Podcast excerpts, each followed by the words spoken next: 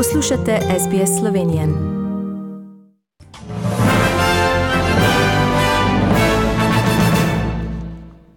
Južna Avstralija bo danes preživela zadnji dan zaprtja države zaradi COVID-19. Tako od polnoči dalje ne bo več potrebno ostati doma. Policija v Južni Avstraliji pa je medtem sestavila posebno skupino za preiskavo napačnih informacij, ki so bile podane v zvezi z izbruhom COVID-19 v Adelaidi. Viktorija je zabeležila 22. dan brez novih okužb COVID-19 ali smrti. Tako ostaja samo en primer COVID-19 v državi. Oblasti so izdale javno zdravstveno pozilo za prebivalce v jugozahodnem Melbournu, potem ko so potrdili COVID-19 v delih vodnih vzorcev v Altoni. Prebivalce in obiskovalce Altone in okolice pozivajo naj se testirajo, če imajo katerekoli simptome. Nemško biotehnološko podjetje BioNTech in ameriški farmacevtski velikan Pfizer sta sporočila, da bosta pri ameriškem uradu za hrano in zdravila zaprosila za odobritev uporabe svojega cepiva proti COVID-19 v nujnih primerih.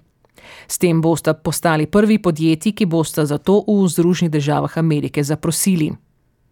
V Združenih državah Amerike pa so v enem tednu potrdili milijon okužb z novim koronavirusom, samo v četrtek skoraj 186 tisoč. Po podatkih Univerza Johnsa Hopkinsa se je s koronavirusom v Združenih državah Amerike doslej okužilo 11,7 milijona ljudi, umrla pa jih je več kot 252 tisoč. Evropska unija pa bi lahko v drugi polovici decembra odobrile dve cepivi proti novemu koronavirusu, ki jo preizkušajo Pfizer in BioNTech ter Moderna, je povedala predsednica Evropske komisije Ursula von der Leyen preko virtualnega zasedanja voditeljev eh, članic Evropske unije. V Evropi pa je število okužnic do COVID-19 preseglo 15 milijonov. Evropa predstavlja 26 odstotkov od 57 milijonov okuženih po vsem svetu. Najbolj prizadeta država pa je Francija. V ameriški zvezdni državi Georgia so po novečnem štetju glasovnic potrdili zmago novo izvoljenega ameriškega predsednika Joea Bidna. Demokratu je uspelo zbrati 12 tisoč glasov več kot republikanskemu predsedniku Združenih držav Amerike Donaldu Trumpu, je sporočil pristojni sekretar Brad Raffensperger. Novo izvoljeni predsednik Joe Biden je dopolnil 78 let in se bo 20. januarja prihodnje leto zapisal v zgodovino kot najstarejši predsednik Združenih držav Amerike. Trumpa poraza še vedno ne priznava in nadaljuje z izzivom v nekaterih zvezdnih državah, čež da je volilna goljofija. V Sloveniji pa so zabeležili Dan slovenske hrane, ki je namenjen ozaveščanju pomena lokalno pridelane hrane in podpori domačim pridelovalcem.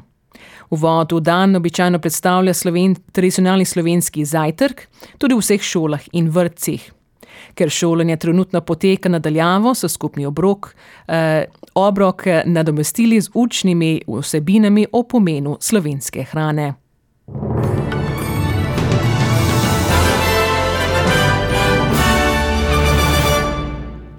Preglejmo tečajne liste in vreme. Za ameriški dolar od, boste odšteli 1,36 dolar, za evro 1 avstralski dolar in 62 centov in še tam povedi vremenske slike za jutri po Avstraliji. V Brisbonu bo sončno, 30 stopinj, v Sydneyju bo popovdne eh, deževalo 29, v Cambridgeu bo občasno deževalo 32, eh, v Melbournu bo deževalo 30, v Hobartu bo občasno deževalo 21, v Adelaidi bo občasno deževalo 34, v Pertu bo sončno 29 in v Darwinu bo deževalo do 35 stopinj Celzija. Vremenoslovci v Sloveniji napoveduje, da bo danes večinoma jasno, najviše dnevne temperature bodo le od 3 do 7, na primorskem do 12 stopinj Celzija. In to so bila poročila medijskih hiš SBS in STA.